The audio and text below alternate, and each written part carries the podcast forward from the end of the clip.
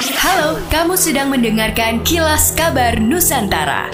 Podcast persembahan KG Radio Network menyajikan berita harian yang mengangkat keunikan dari berbagai wilayah Indonesia. Kilas Kabar Nusantara dapat juga didukung oleh pengiklan loh. Setelah harga tes PCR diturunkan beberapa waktu lalu, kini giliran tarif tes antigen yang diturunkan oleh pemerintah. Jika sebelumnya harga tes antigen di kisaran Rp250.000, maka sekarang nih, untuk Jawa Bali tarif tertinggi tes antigen sebesar Rp99.000. Sementara untuk luar Jawa Bali lebih Rp10.000, yaitu Rp109.000. Menurut Direktur Jenderal Pelayanan Kesehatan Kementerian Kesehatan, Bapak Abdul Kadir, penurunan harga sudah disepakati bersama Badan Pengawasan Keuangan dan Pembangunan atau BPKP dengan melihat berbagai aspek dan juga penyesuaian kondisi pandemi COVID-19 terkini. Perhitungan tarif juga meliputi berbagai komponen yang dikaji ulang secara bersama-sama, termasuk di dalamnya ada jasa pelayanan atau SDM, regen, bahan medis habis pakai atau BMHP, biaya administrasi, overhead, dan juga komponen biaya lain yang udah disesuaikan dengan kondisi terkini. Dengan keluarnya keputusan yang baru ini, maka Kementerian Kesehatan minta agar seluruh fasilitas kesehatan seperti rumah sakit dan juga laboratorium untuk mematuhi batasan tertinggi tarif tes antigen tersebut. Bila masyarakat nemuin nih ada vaskes yang nakal soal tarif, laporin aja langsung ke Dinkes tempat untuk kemudian dilakukan investigasi dan juga pembinaan. Tapi kalau emang double kasih harga di luar ketentuan, maka Dinkes memiliki kewenangan untuk mencabut izin operasional vaskes tersebut. Mega proyek Sorkat Singaraja Mengwitani akhirnya dilanjutkan lagi.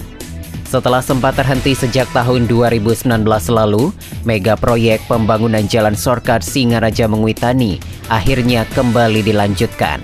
Pemerintah Provinsi Bali akhirnya memutuskan untuk kembali melanjutkan pembangunan Sorkat di titik 7A, 7B, 7C, serta titik 8 serta rest area.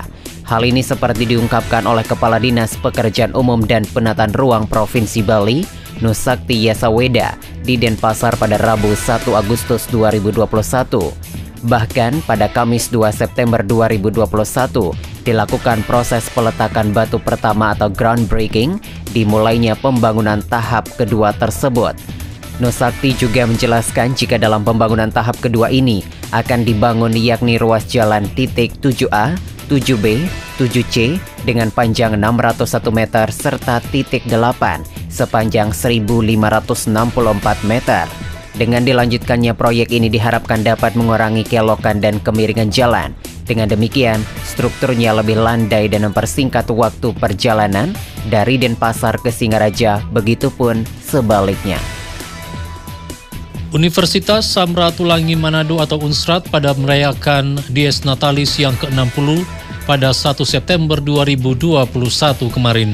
Pada Dies Natalis tersebut, Unsrat mengusung tema Stronger to Excellent yang dikatakan oleh Ellen Kumat, Rektor Unsrat sebagai komitmen dari universitas dalam mendukung peningkatan kualitas pendidikan nasional yang berorientasi pada peningkatan mutu dalam sejumlah aspek terkait. Elan Kumat menambahkan dalam kondisi pandemi COVID-19, Unsra tetap bergerak maju dengan pengembangan strategi yang lebih baik, termasuk dengan eksplorasi pemanfaatan teknologi digital. Unsrat dikatakan oleh Ellen Kumat berkomitmen untuk tetap mengembangkan dan mendorong kemajuan pendidikan sebagai upaya menciptakan sumber daya manusia yang unggul.